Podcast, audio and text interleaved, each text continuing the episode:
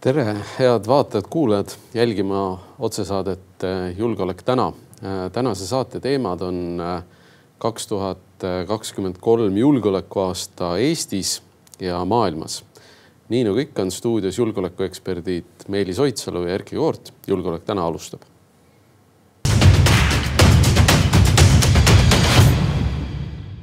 no nii, enne kui me lähme edetabeli juurde, vaataks korra ajalukku tagasi, et mis on juhtunud, et, et tänasel päeval tuhat üheksasada kaheksateist asutati Soomes Eesti abistamise peatoimkond Eduskunnas, mis siis toetas Eesti abistamist Vabadussõja ajal.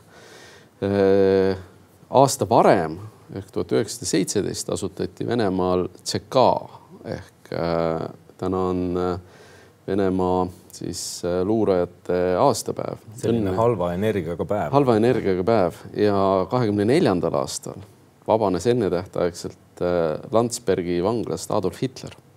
et täna on äh, väga sellised märgilised sündmused. nüüd eile ajaloos tuhat üheksasada nelikümmend neli vallutas Venemaa viimase Eesti osana Ruhnu saare ja tuhat üheksasada seitsekümmend kaheksa võttis EKP ehk Eesti Kommunistliku Partei Keskkomitee büroo vastu salajase otsuse vene keele positsiooni tugevdamisest Eesti koolides. ja mulle näib, et see otsus kuidagi kehtib tänase päevani, arvestades vene keele positsiooni Eesti ühiskonnas ja kasvõi seda, et riigiasutused äh, küsivad, kas sa tahad, et me teenindaks sind eesti keeles või vene keeles et äkki äh, selle seitsmekümne kaheksanda aasta otsuse ikkagi saadakse ajaloo prügikasti ja läheks tervikuna üle eesti keelele. maailmas äh, äh, siis üheksateistkümnendal detsembril tuhat üheksasada kuusteist lõppes Verduni lahing. miks ma selle siia panin, on paralleel Esimese maailmasõja ja Ukrainas täna toimuvate pööraste lahingutega, hakklihamasinatega. nüüd kahekümne esimesel kuupäeval ehk homme Äh, otsustas Eesti ajutine valitsus äh, asutada riigi raamatukogu ehk käis Vabadussõda sellel ajal, kui loodi Eesti Rahvusraamatukogu. väga märgiline, eestlased on haridust alati kalliks pidanud ja. rindel taheti ka midagi lugeda ilmselt. rindel taheti lugeda ja, ja tarkus on tarviline vara. hoiame ka oma õpetajaid. kahekümnendal aastal jõustus Eesti Vabariigi esimene põhiseadus kolmekümne esimesel aastal saadeti läbi Eesti Nõukogude Liitu kaheksakümmend üks Soome kommunisti välja, sest Soome piir oli mingil põhjusel äh, kinni taaskord. Äh, Eesti Vabariigis kolmekümne neljandal aastal äh, kehtestati eeltsensuur trükistele. vaikiv ajastu teatavasti oli ja üheksakümne kolmandal aastal võeti viimased Lenini monumendid Narvas maha üheksakümne kolmandal aastal alles. Ehm, mongolid eh, tuhande kahesaja kolmekümne seitsmendal aastal eh, purustasid Ryazani linna Venemaal Batugaani juhtimisel. Eh, üheksakümmend üks aasta oli SRÜ-ga liitumise kuldaeg, kui sellega liitusid siis Aserbaidžaan, Armeenia, Kasahstan, Kõrgõzstan, Moldova, Tadžikistan, Turkmenistan, Usbekistan. ühe päeva sees? ühe päeva sees ja mõned olid teatavasti juba varem ja hästi-hästi oluline on ka kahe tuhande seitsmes aasta, mida me tegelikult võib-olla väga ei mäleta, et äh, kahe tuhande seitsmendal aastal sai Eestis Schengeni liige ehk et kadus piirikontroll Eesti, Läti ja Eesti, Soome, Eesti, Rootsi vahel. me saime sisuliselt äh, või noh, me saamegi täna, eks liikuda kuni äh, Narvast kuni Lissabonini ilma igasuguse piirikontrollita, mis on väga suur väärtus. ja kaheteistkümnendal, kaks tuhat kaksteist pidi Maiade kalendri järgi tulema maailma lõpp, aga me elasime selle üle. et sellised sündmused, äh, tagasivaade ajalukku, aga lähme esimese teema juurde.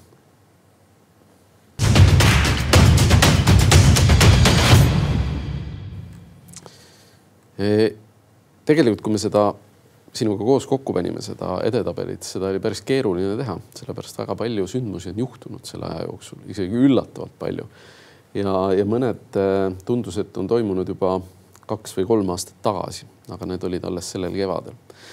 Äh, mäletatavasti alles sellel aastal asus äh, praegune Kaja Kallase valitsus ametisse.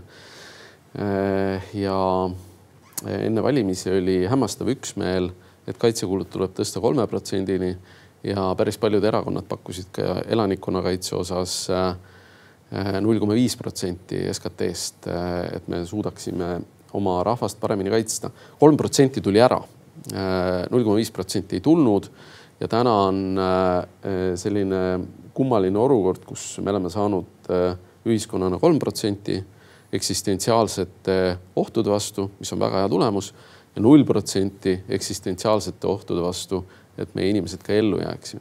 nii et selles suhtes väga äh, karm reaalsus ja tegelikult eks mittesõjalise osa kuludeks planeerib valitsus äh, siis äh, eraldada kaheksakümmend miljonit kümne aasta jooksul, et umbes kaheksa miljonit aastas, mis on tegelikult äh, noh, nagu neid ohte arvestades ikkagi väga-väga väike summa mul on info, et see on võib-olla nelja järgmise aasta peale jaotub see kaheksakümmend miljonit, aga noh, tervikuna, kui vaadata tõesti seda ja, ja tõsta aastast ühe sellise sündmusena esile kaitsekulude uut baastaset, mis on märgiline tegelikult ja suur pingutus regioonis ka, kui me vaatame kaitsekulude äh, tasemeid, siis noh, Poola on teinud sellest rohkem, eks ole, Läti, Leedu veel natukene uinuvad, noh, mitte natukene, nad ei ole tegelikult nii-öelda sellesse temposse tulnudki, kus Eesti riigikaitse arendamine on nüüd sel aastal lülitunud.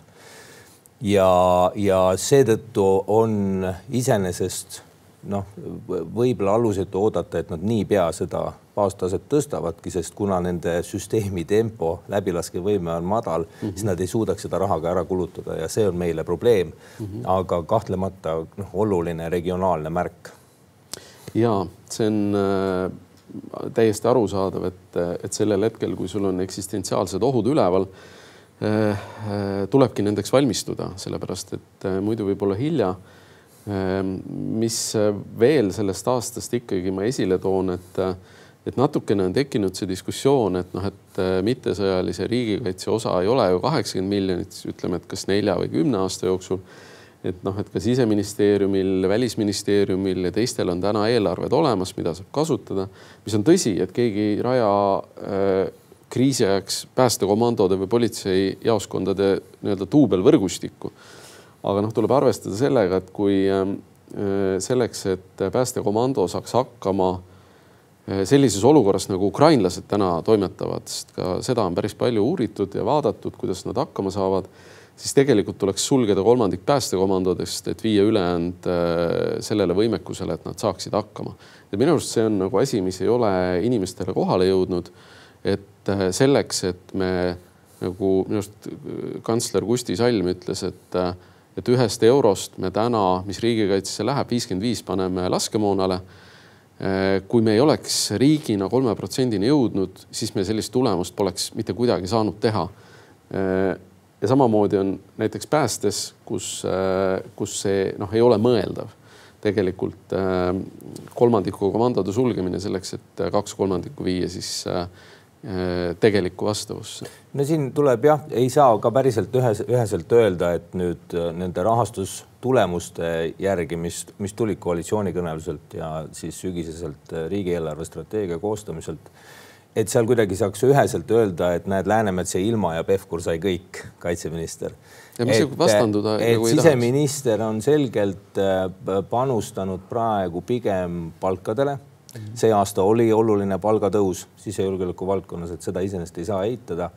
ja, ja, ja, ja tõsi on, et äh, kui mindi, eks ole, elanikkonnakaitseks küsima seal neid sadu miljoneid eurosid ja tagasi tullakse noh, ütleme kümme korda väiksema tulemusega, et siis äh, seal on natukene valitsemisprobleeme näha, et nii selle osas üldse, kuidas seda probleemi, eks ole, rahastajatele müüa, noh, keskvalitsuse sees, aga ka selles osas, et mis see äh, tegevuskava on ja kas meil on täna siiski on piisavalt kindlust avalikkusel ka, et riigil on nüüd selge plaan, noh, üle pooleteise aasta pärast seda kallaletungi Ukrainale. tegelikult on. elanikkonnakaitse osas, et see on aasta lõpus hakanud nüüd paranema, me näeme siin, et äh, ka kinnisvara arendaja üks seal Äripäevas, eks ole, täna avaldas mingisuguse arvamuse, kus ta ütles, et äh, need nii-öelda varjumiskohad majade alla ei ole nagu justkui õigustatud või toovad asjad kulu. et parempoolsete sekka muide kuulub see mm -hmm. Äripäeva arvamusrubriigis arvamust avaldanud arendaja et, et noh, parempoolsed peaksid ka ära otsustama, et kui Ilmar Raag räägib, eks ole, üheselt seda, et tuleb teha elanikkonnakaitse armee ja tuua mm -hmm. hästi suur rahastus sinna taha ja kogu ühiskonna tähelepanu, et siis sama erakonna liige, eks ole, räägib kuskil mujal vastupidist juttu, et nad võiks ära otsustada ise ka selle asja, et sellist nagu võbelemist endiselt veel on, oleks tahtnud olla paremas kohas elanikkonnakaitse osas. absoluutselt, kui vaadata sedasama Ukrainas toimuvat, siis äh, meie riik on minu arvates või minu hinnangul äh, suutnud õppida äh, sellest, mis toimub rindel. aga ei ole suutnud õppida sellest, mis toimub tagalas ja see on probleem, et, ma toon korra sellise näite, et, et kuna ma olen näiteks kirjanik ja ajaloost kirjutan teinekord, siis Võru ja Põlva vahel on selline varjumiskoht teise aastatuhande algusest nagu Kirstumägi kuhu varjutigi siis, kui vaenuvägi tuli. see on tänaseni kasutatav. kas seal on Päästeamet pannud ei, selle varjumispaiga märgis, märgistuse? aga tänapäeva, tänapäeva inimene ei saa seal hakkama. et kui praeguse ilmaga tänapäeva inimene sinna varjub, siis ta ei saa hakkama. ja, ja, ja see on asi, mida minu arvates me ei ole veel teadvustanud. Ja, ja minu arvates see on asi, millega noh, mõelda kastist välja ja, ja noh, ma toon oma lemmikteema järjekordselt sisse ikkagi tsiviilajateenistus või asendusteenistuse laiendamine. et ärme karda arutada asju, mis äh, aitavad meil tegelikult äh, kriisis märksa paremini hakkama saada. aga lähme järgmise teema juurde, idaveod. ka idaveod oli see aasta, see tundub nagu selline ammune-ammune asi. aga tegelikult äh, meenutame, et kaks tuhat kakskümmend kolm augustis lahvatas siis skandaal, kus peaministri abikaasa osalusega ettevõte äh, väidetavalt pakkis kedagi Venemaal kokku. Äh, selgus, et ta pakib seda kokku juba väga pikka aega. noh, naljahambad ütlesid, võib-olla väga suur tehas. et, äh, et Eesti sellist välispoliitilist usaldusväärsust see kindlasti murendas, murendas ka Eesti inimeste äh, valmisolekut äh, tegelikult olla äh, vajalikul hetkel noh, nii-öelda selles äh, ühises paadis et, äh, et see tegelikult on, äh, oli probleem ja noh, tuleb arvestada, et, äh, et sellele lisaks meie liitlastele jälgisid neid arenguid ja, ja noh, ütleme kõik need saatkonnad, kes meil siin on, kirjutasid oma pealinnadesse memosid sellest. aga seda jälgiti ka Moskvas ja kindlasti sellest skandaalist, selle skandaali kulgemisest ja nendest avaldustest tehti järeldused Venemaa julgeolekuteenistustes ja võib-olla presidendi administratsiooni planeerijate osas jah, siin on võrreldud ka ühe teise juhtumiga kevadest, mis puudutas ka Ukraina toetamist, Johanna-Maria Lehtme juhtumiga. on küsitud, et kas noh, Lehtme puhul temal ei ole isegi ju süüdistust või kahtlustust esitatud. et kas oli ikkagi alust noh, nii järsult reageerida sellele ja valulikult avalikkuses Äh, noh, alus tekki, tekkis ju tänu sellele, et inimene noh, ei suhelnud adekvaatselt mm. -hmm. et mis selle põhjused on, on eraldi küsimus, aga noh, üldiselt, kui sa oled ka kriisis ja sul ei ole kommunikatsioonivõimed kõige paremad, siis mingi hetk ikkagi sulle tekib ka nagu piisavalt abilisi, kes aitavad su jälle jalule et äh, noh, seekord seda ei olnud ja Kaja Kallasega noh, kordus täpselt sama äh, asi tegelikult, et äh, peaminister tegi kõik selleks, et tegelikult oleks igasugune õigustatud alus noh, nõuda poliitilise vastutuse võtmist. See, et ta otsustas jääda, noh, oli puhtalt isiklikult tema valik. Äh, sellel nagu igal asjal elus võivad olla ka mingid positiivsed järelmid, kaasa arvatud nii-öelda stabiilsus, valitsusstabiilsus raskel ajal. Ja sõja ajal, ütleme sellise kriisi ajal ongi liht-, lihtsam selliseid poliitilisi nii-öelda äh, probleeme või raputusi üle elada, aga me ei peaks seda võtma kui uut normaalsust nüüd. see, mis idavedude puhul toimus, oli sõjaaja normaalsus, mis on tugevasti nihkes võrreldes sellega, mis muidu äh, toimub ja noh, omalt poolt ikkagi aitas siin kaasa ka opositsioon, kaasa arvatud selle obstruktsiooni õhkkonnaga loodi jälle sellise nii-öelda erakorralise seisukorra õhustikku, millest siis peaministril on lihtne öelda, et kuulge, näete, et siin on noh, riiki lammutatakse, ma ei saa praegu ära minna. ja noh, mingis plaanis kindlasti oli tal selle, seejuures ka õigus ja ma olen selles suhtes sinuga nõus, et, et kohatine vindi ülekeeramine opositsiooni poolt, ma ei mõtle selle teema üleval hoidmisega, vaid ma mõtlen just nende avalduste tonaalsuse ja, ja võib-olla sellise verbaalse sõnniku loopimisena pani võib-olla need inimesed, kes muidu oleks näinud peaministri lahkumist, tegelikult pani pigem liitis tema selja taha. hästi kummaline oli muuseas Reformierakonnas toimuv, kus ühelt poolt ilmus artikleid, et justkui Reformierakonnas see teema ka on ikkagi väga palju ärevust tekitanud ja teiselt poolt siis nagu avalikkuses, kus äh, Kaja Kallas kohtus fraktsiooniga ja küsis, kes on minu vastu, eks. et äh, mulle meenutas see seda, kui äh, Jüri Ratas, Mart Helme ja, ja praegu noh, ammu eksminister Kuusik helistasid Marti Kuusik, helistasid Marti Kuusiku abikaasale ja küsisid, kas Marti Kuusik on teda kunagi löönud. et et noh, mis see vastus siis oleks teistsugune saanud olla. aga verevahetus julgeolekus on meie järgmine valik. et tegelikult on vähem kui aasta jooksul vahetunud kõikide oluliste julgeoleku ja jõuametkondade juhid eelmise aasta lõpus tegi otsa lahti tegelikult Välisluureameti juhi vahetus, mis oli planeerimata, eks kuna Mikk Marran lahkus Äh, ja tuli asemele Kaupo Rosin. ka selle aasta sees toimusid äh, äh, noh, ütleme korralised juhivahetused Kaitsepolitseiametis ja Päästeametis.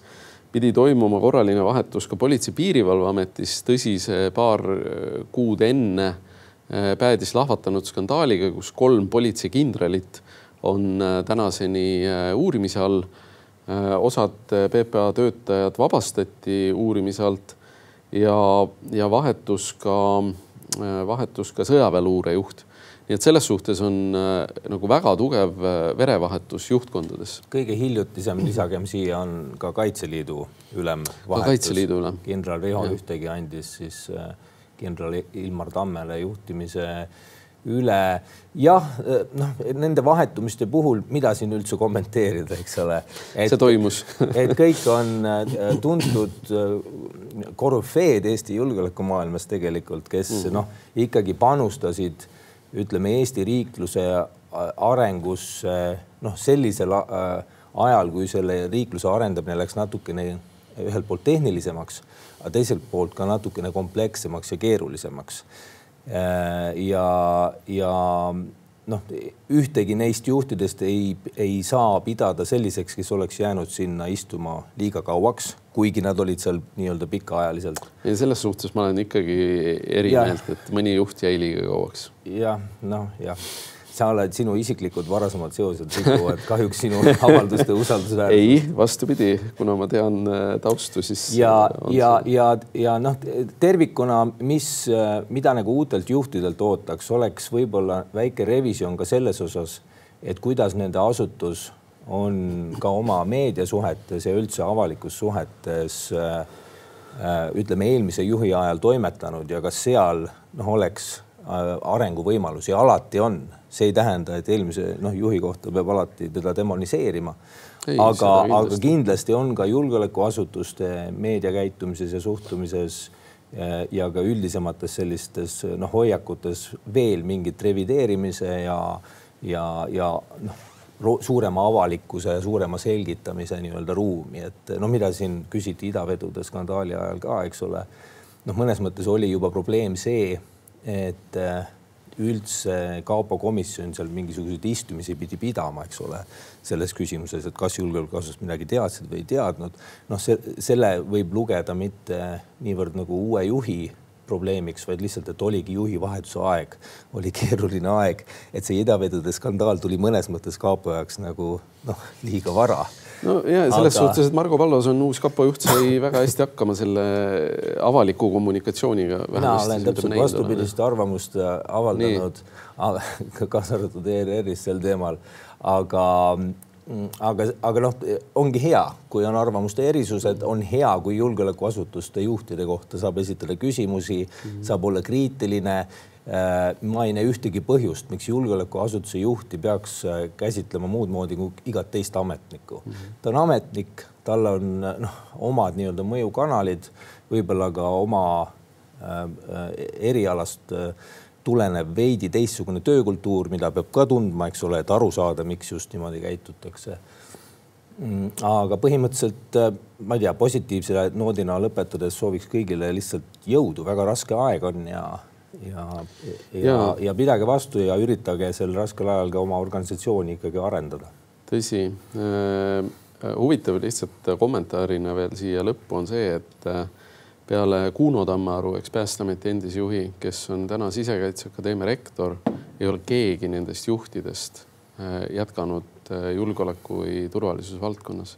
et äh, tõsi, noh, Helmar Vähari osas on veel menetlus pooleli, aga, aga noh, kõik teised on kuskil ikkagi muudes valdkondades. Lähme järgmise teema juurde, punnseis Riigikogus, et obstruktsioon, eks, millest on räägitud ühelt poolt on toodud seda esile kui põhiseaduslikku kriisi, teiselt poolt on öeldud, et see on tavapärane, eh, võib-olla pisut intensiivsem demokraatlik protsess. ja, ja ega noh, selle koha pealt, et, et obstruktsiooni on rakendanud ilmselt kõik Riigikogu erakonnad. aga noh, tuleb arvestada seda, et, et meid huvitab siin ikkagi see, et kas kriisiolukorral on Riigikogul olemas töövõime püüdes äh, siit äh, kogu sellest obstruktsioonisaagast midagi nagu positiivset leida, et siis, et helgust tuua siia aasta lõppu, et siis äh, ühelt poolt on hea, et ütleme sellistele opositsiooni protestialgatustele, ka protseduurilistele, ei järgne kohe noh sellist vastu, jõulist vastumeedet, mis noh, suruks kogu selle asja äh, alla, selle võimaluse ka üldse seda obstruktsiooni tekitada. Äh, mina ise arvan äh, samas siiski, et oleks kohe alguses pidanud ka Riigikogu juhtkond seisma rohkem selle põhimõtte ees, eest, mis tegelikult sellise ühe alusprintsiibina kogu nagu õiguskorra all on. see on see, et me rakendame seaduse tähte mõtte järgi, noh, mitte ei aja iga viimast nii-öelda koma äh, kohta taga, vaid et me äh, saame aru, mis selle mõte on, eks ole. ja, ja kui Riigikogus on mõte arutelu, aga ähm, teemasse noh, mitte puutuvate mingisuguste veidrate küsimustega raisatakse see arutelu aeg ära, siis noh, see ei ole lihtsalt mõttekohane reeglite Äh, rakendamine ja, ja noh, mingi momentum lasti seal äh, ikkagi päris alguses Riigikogu juhtkonna poolt ka ära ja sellest on kahju ja nüüd mm -hmm. me mhm. helbime mõnes mõttes ka seda tõsi, ma lisan veel siia natuke vürtsi, et äh, mäletatavasti valimistel osales ka moodustis koos, mille juht Aivo Peterson, eks käis Donetskis ja peale seda, kui ta sealt tagasi tuli, peeti kaitsepolitsei poolt kinni Ehm, noh, kujutame ette nüüd olukorda, kus see koos oleks saanud natuke rohkem hääli, kui ta sai ja tulnud üle künnise ja oleks ka täna parlamendis olnud ja teeks seda obstruktsiooni koos eh, teiste erakondadega, et milline see pilt siis oleks. Et äh, mõelgem lihtsalt selle peale korra, et äh, kuna meil aeg surub peale, siis lähme edasi äh,. piirid, piirid meie ümber, et, et ränderünne ja variränne on andnud meile tooni Eh, sellel aastal taas ja noh, Läti-Leedu piiridele tegelikult surve püsis mõõdukas, mitte, mitte nii suur on ju, kui kaks tuhat kakskümmend üks oli. aga Soome jõudis sinna, et sulges kõik piiripunktid, tegi kaks lahti ja pani jälle kõik kinni. Et äh, olukord on päris äh, tegelikult äh, tähelepanu nõudev. Eesti on ka piirile vedanud äh, nagu materjale ja piiri sulgemise sellist äh, inventaari, mida varem pole sinna vedanud, on need lohehambad, okastraati ja, ja tegelikult äh, noh, hea uudisena on tulnud, et, et vähemalt lõuna, lõuna või selles ida või kagunurgas on, on siis pool maismaapiirist vähemasti juba välja ehitatud, et need kriitilisemad kohad väidetavalt, et et soised alad siis ähm, tehakse ka järjest ära ja praegu noh, on väidetud, et see on ennaktempos, et tõsi, noh, me hakkasime seda tegema kaks tuhat neliteist, kui avastasime, et, et piiri pole välja ehitatud, mis tuli väga paljudele üllatusena. kui vaadata üldse selle aasta nii-öelda hübriid sündmusi, hübriidsõja sündmusi, siis võrreldes eelmise aastaga võib märgata olulist ikkagi aktiveerumist. tõenäoliselt eelmine aasta noh, valmistati neid Petersoni aktsioone ja seda mm, parlamenti pääsemise projekti ette. Äh, aga see aasta, eks ole, käivitati, me oleme näinud siin veidraid ähvardus, kettähvarduskirju koolidele, mis noh, ikkagi päädisid ka evakuatsioonide ja üleüldise erutusega mõneks ajaks. nüüd on tulnud surve piirile, enne seda äh, uuriti ja püüdi aru saada, et milliseid kaableid keegi on äh, vigastanud. et tervikuna ütleme, me oleme nüüd hübriidsõjas järgmisesse faasi jõudnud. me ei tohiks eeldada, et see on nüüd kõik Äh, ja me peaks arvestama ka sellega, et on ka jätkuvalt muid erinevaid faktoreid, mis noh, inimeste ütleme sellist isoleerituse tunnet või ka alarmeerituse tunnet natukene tõstavad, me räägime siin elektrikatkestustest, eks ole, pikaaegsetest regioonides ja nii edasi, et mingid sündmused, mis noh, võtavad ka seda turvatunnet muus sfääris vähemaks ja mitte ilmtingimata noh, nii-öelda vastase mahitatuna ja eh, noh, tuleb arvestada, et mida halvemini läheb Venemaal eh, lahinguväljal, eh, seda suuremas mahus panevad nad toime hübriidrünnakuid, et see on nagu selge käekiri. järgmine teema tegelikult ongi, kuhu sa juba jõudsid, puruks läinud juhtmed, milleks, millest me kuulsime Soome ja Rootsi ametivõimudelt ja, ja siis samamoodi gaasitoru, et see kommunikatsioon lonkas, oli alguses vähemalt hästi kriminaalmenetluse keskne ja tegelikult hiljem äh, noh, pisut paranes, äh, aga noh, ka täna on see, kus me väga palju sellest hetkel ikkagi ei kuule.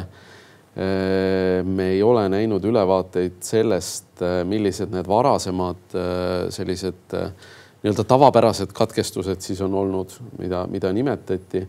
juba nimetasid tegelikult varustuskindlus elektri osas, et, et kui Elering presenteeris äh, infot selle kohta, kuidas varustuskindlus on tagatud, siis eh, kui, kui elekter jõuab alajaamani ja sealt tarbijani ei jõua, siis elektrit ei ole, et sihukest rumalat juttu pole mõtet ajada, et varustuskindlus on tagatud, samal ajal kui paarkümmend tuhat majapidamist üle Eesti on, eh, on päevade kaupa vooluta, et see lihtsalt mõelge oma sõnumid natuke paremini läbi.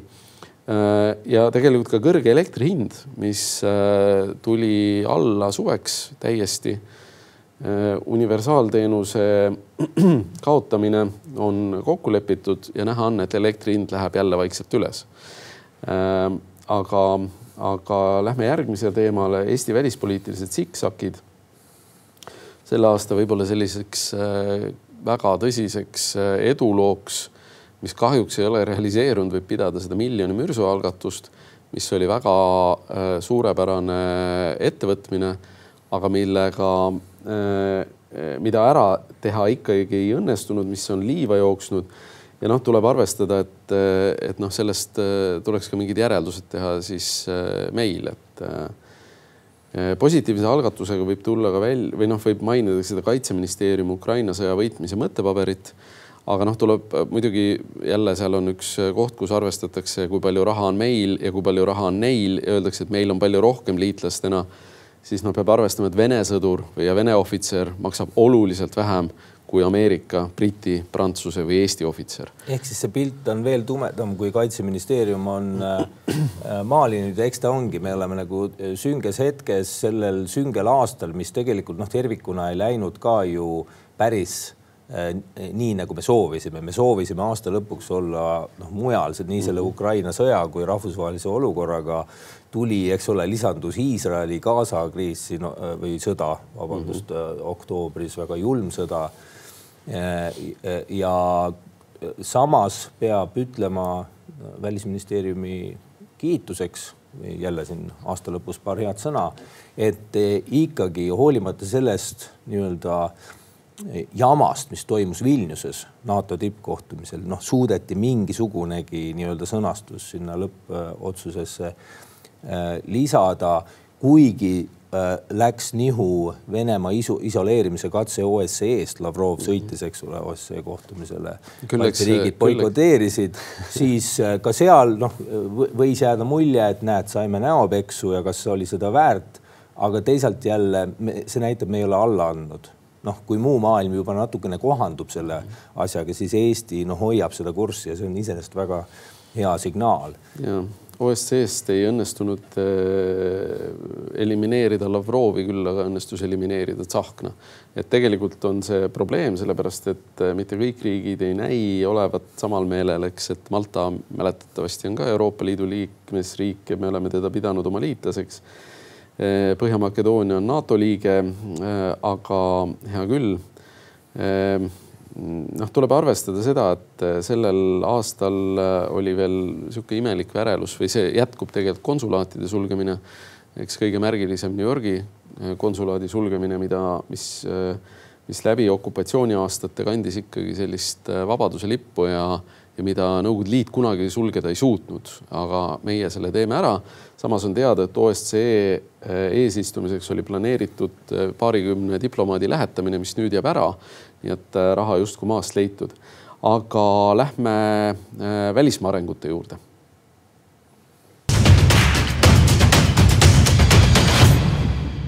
nii, nüüd me käime läbi kiiresti siis välismaa arengut. juba mainitud Ukraina abi kuivab ohtlikult kokku. tegelikult on see väga suur probleem, eks nii Euroopa Liidu kui USA suunalt see juubeldus, mis tekkis siis liitumiskutse edastamisega kui Orban läks kohvi jooma või kuskile mujale samal ajal. Kohe sai tagasilöögi peale seda, kui Orban sealt kohvi joomast või kuskilt mujalt tagasi tuli ja, ja vaidlustas selle rahaeralduse.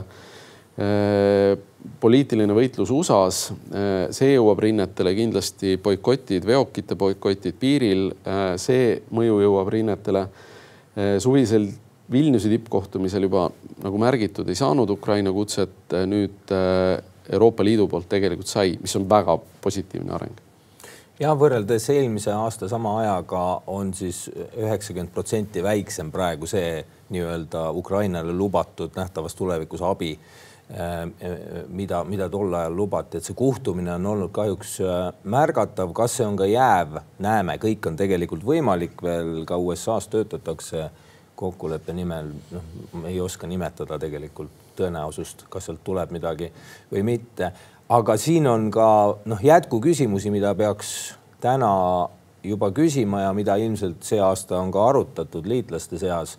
et mida ikkagi teha nende eurode ja dollaritega, mis on lääne pankades, eks ole, ja Vene varadena külmutatud, et äh, et siin on noh, lääs nagu dilemma ees.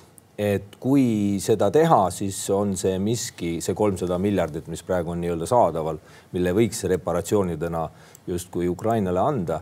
et kui seda teha, siis äh, tegelikult minnakse noh, vastuollu praeguse maailmakorraga, et äh, alates neljakümne viiendast aastast, kui ÜRO loodi, selliseid meetmeid enam justkui heaks ei kiidetud. Aga teisest küljest võib ju küsida, vaadates, kuidas ÜRO on hakkama saanud siin, et äkki olekski aeg see moodustis õhku lasta. Ja tõstame tempot. terrorism, järgmise teemana, eks Hamasi ja Iisraeli eh, vaheline sõda, mis kindlasti tõstab, tõstab terrorismi ohutaset ka Euroopas, on juba rünnakuid toimunud ja noh, Iisrael ilmselgelt ei peatu enne, kui Gaza piir paistab siin ei oska midagi muud öelda, kui et mul on tunne, et me hoolimata kõigest, hoolimata sellest Hamasi julmustest ja muust asjast, et me oleme lääne ühiskonnana ikkagi läbi kukkunud äh, nii-öelda Iisraeli vastutegevuste piiramises. et, äh, et kui vaadata neid numbreid, kui vaadata ka seda sõjalist jõudu, mida Iisrael on kasutanud seal, esimese nädalaga visati, eks ole, kuus tuhat pommi. see on aastane Afganistanis USA kulutatud pommivaru ja kui vaadata, kui vaadata, kui vähe tegelikult ka Bideni administratsioon on suutnud seal nii-öelda seda mm -hmm. relvarahu äh, soovi kuidagi Netanyahule peale suruda, et siis meil ilmselgelt on siin probleem, suur probleem, noh, millest me võib-olla hakkame natuke hiljem rääkima, kui emotsionaalselt on seda juba võimalik teha ja Soome ja Rootsi teekond NATO-sse, Soome on NATO-s, Rootsi veel mitte. Noh, samas tuleb arvestada, et, et täna istub ka Rootsi suures osas Türgi ja Ungariga ühe laua taga NATO-s, kes tema liikmelisust jätkuvalt blokeerivad. pärelused Venemaal, meie järgmine valik, et Putini režiimi vankumatus või mittevankumatus noh, tegelikult meenutame siin Prigožini mingisugust imelikku etteastet, kus kadus nii Prigožin peale kaheksa kilomeetrist marssi Moskvale kui ka Wagner tegelikult hukkus. Ja, ja, ja praeguseni on äh,, me oleme ikkagi suures osas äh, lähtunud äh, Venemaa pakutud infost selle teema kajastamisel, ma mõtlen avalikus ruumis, et Venemaa ütles, et Prigožin tegi ja, ja tegelikult ka meedias on seda selliselt äh, tehtud. no olgu need põhjused, tegelikult põhjused, mis on, eks neid ajaloolaste uurida aga selge on see, et äh, faktiliselt, kui me vaatame, mis toimus, mis ulatuses, siis tegemist äh, Venemaa liikus uude arengufaasi, et see on selge, et, et pärast seda sündmust Putin võib rääkida, mida tahab, faktiliselt on toimunud tema režiimi vastu väike nii-öelda relvastatud ülestõus. Midagi toimus, mis asi see oli, seda me saame kindlasti teada.